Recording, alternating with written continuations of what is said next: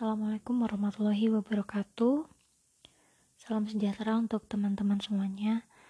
Uh, kali ini saya akan membuat uh, penjelasan ya, sedikit penjelasan mengenai uh, materi bab ini yang beberapa hari yang lalu ya, beberapa pertemuan yang lalu sudah kita bahas beberapa.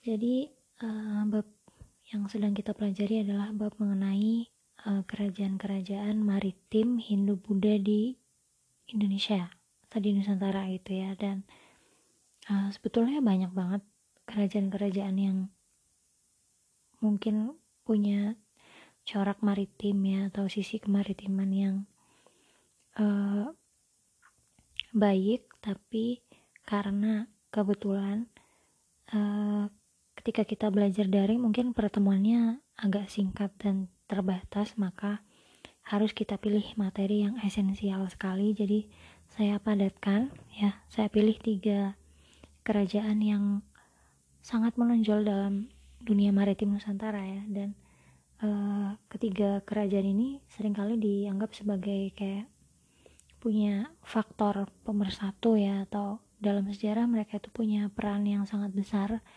bagi uh, meningkatnya intensitas antar satu daerah dengan daerah lain yang dihubungkan melalui laut dan hal itu tidak lepas dari kekuatan kemaritiman uh, dari masing-masing negara itu atau kerajaan tersebut.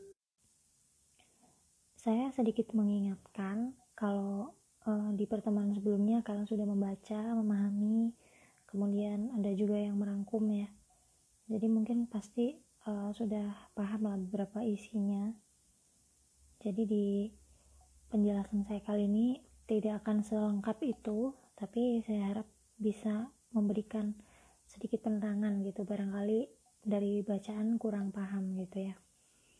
Oke jadi kita bagi penjelasan ini ke dalam tiga tiga segmen ya. Yang pertama kita bahas tentang kerajaan Sriwijaya. Kenapa sih Sriwijaya ini dibahas pertama? Ya karena dari ketiga kerajaan yang akan kita bahas uh, kerajaan Sriwijaya ini lebih dulu gitu jadi atau lebih tua gitu ya. Karena uh, dia Sriwijaya ini adalah kerajaan yang berdiri di abad ke-7 letaknya itu ada di Sumatera ya. Sangat kuat anggapan kalau Sriwijaya ini letaknya di Palembang. Nah kenapa sih Sriwijaya ini berhasil menjadi negara maritim ya banyak banget faktor yang uh, memungkinkan. Kenapa? Yang pertama wilayah Sumatera kalau kita lihat di peta ya itu adalah wilayah Indonesia yang paling dekat dengan India dekat dengan uh, negara tetangga seperti Malaysia, Thailand dan lain-lain dibanding dengan daerah Indonesia bagian lain gitu ya. Daripada dengan Jawa daripada dengan wilayah timur ya. Sumatera itu paling dekat.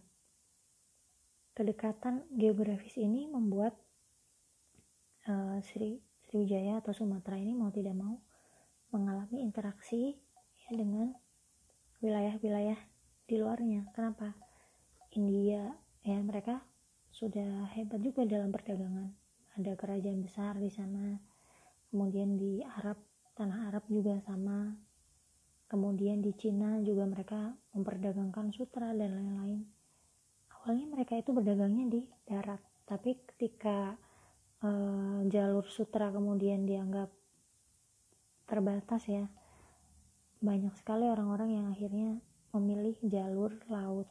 Nah ketika mereka melewati jalur laut maka otomatis mereka akan melewati uh, pulau Sumatera Nah, dan hal ini adalah hal yang menguntungkan sekali bagi uh, wilayah Sumatera karena mereka menjadi tempat persinggahan dari banyak orang asing ya dan hal itu membuat Sumatera menjadi kota itu punya peradaban kota yang ramai.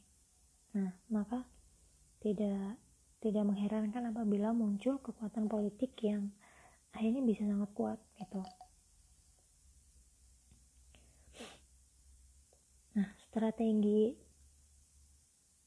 kerajaan juga sangat penting ya dalam hal ini. Mereka memanfaatkan jalur perdagangan Selat Malaka itu.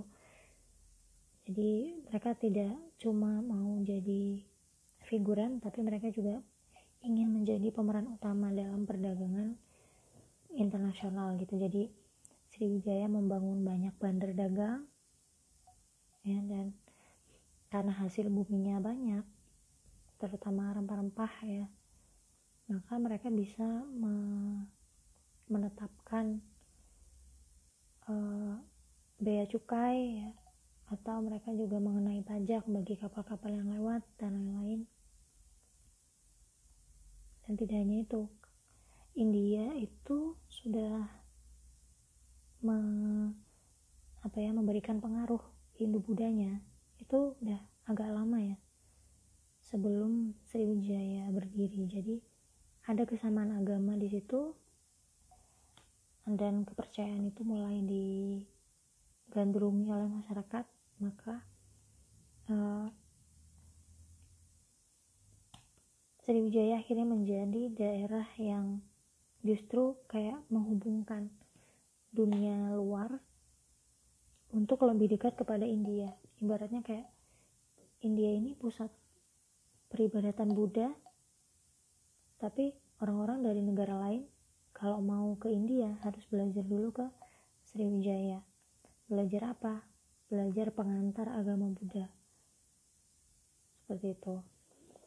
Nah kalau kita lihat uh, Sriwijaya ini juga kuat anggapan ya kuat anggapan bahwa mereka ini hmm, cukup jaya gitu di wilayah Asia kenapa bisa begitu? Kita bisa lihat dari sumber-sumber sejarahnya. Banyak banget sumber luar negeri yang menyebutkan tentang negara ini gitu ya. Contohnya di berita dari Cina itu banyak banget yang menuliskan bagaimana uh, hebatnya kerajaan Sriwijaya ada apa aja di sana kemudian bagaimana cara orangnya hidup kemudian uh, bagaimana kemewahan rajanya dan lain-lain itu diceritakan oleh orang Cina yang pernah datang ke Sriwijaya. Kemudian berita dari Arab. Ada berita yang menyatakan bahwa di negara Sabah itu mereka menghasilkan emas gitu. Dan setiap tahunnya itu hampir 200 kg dan mendapat julukan pulau emas gitu atau Swarna Dwipa ada juga banyak berita dari Thailand ya ada ada prasasti yang di Thailand itu menyebutkan tentang uh, tanah itu adalah tanah genting milik Sriwijaya gitu. Kemudian ada juga dari India ya di sana juga ada prasasti. Ada tulisan-tulisan yang memberikan gambaran, memberikan bukti bahwa pengaruh Sriwijaya pada saat itu memang sudah sampai di sana.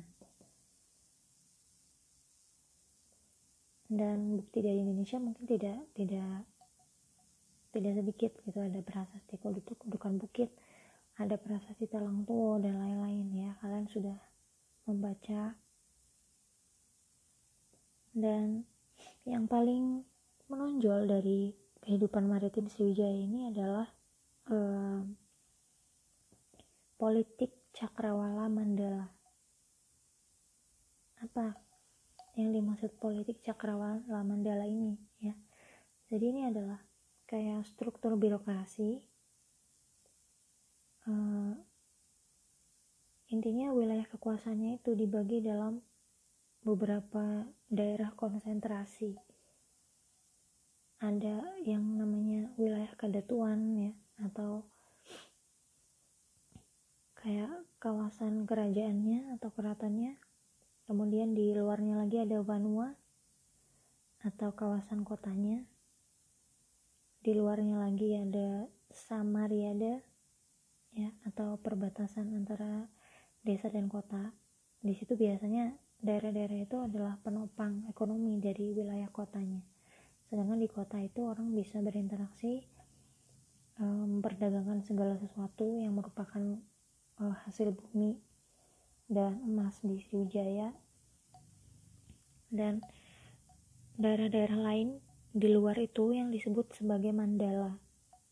Nah, Mandala ini justru yang sangat banyak dan sangat menentukan kekuatan Sriwijaya. Kenapa? Karena uh, lebih banyak, semakin banyak kawasan Mandala atau kawasan kawasan-kawasan di luar Sumatera yang diakui oleh Sriwijaya ya atau ditaklukkan, maka Sriwijaya ini akan lebih banyak mendapatkan aliansi politik, mendapatkan upeti ya atau barang-barang kemudian uh, mendapatkan keuntungan-keuntungan dari hubungan-hubungan seperti itu. Karena negara-negara yang lain tadi diakui ya tunduk di bawah Sriwijaya sehingga setiap tahun ya atau setahun dua kali itu mereka memberikan barang-barang berharga sebagai bentuk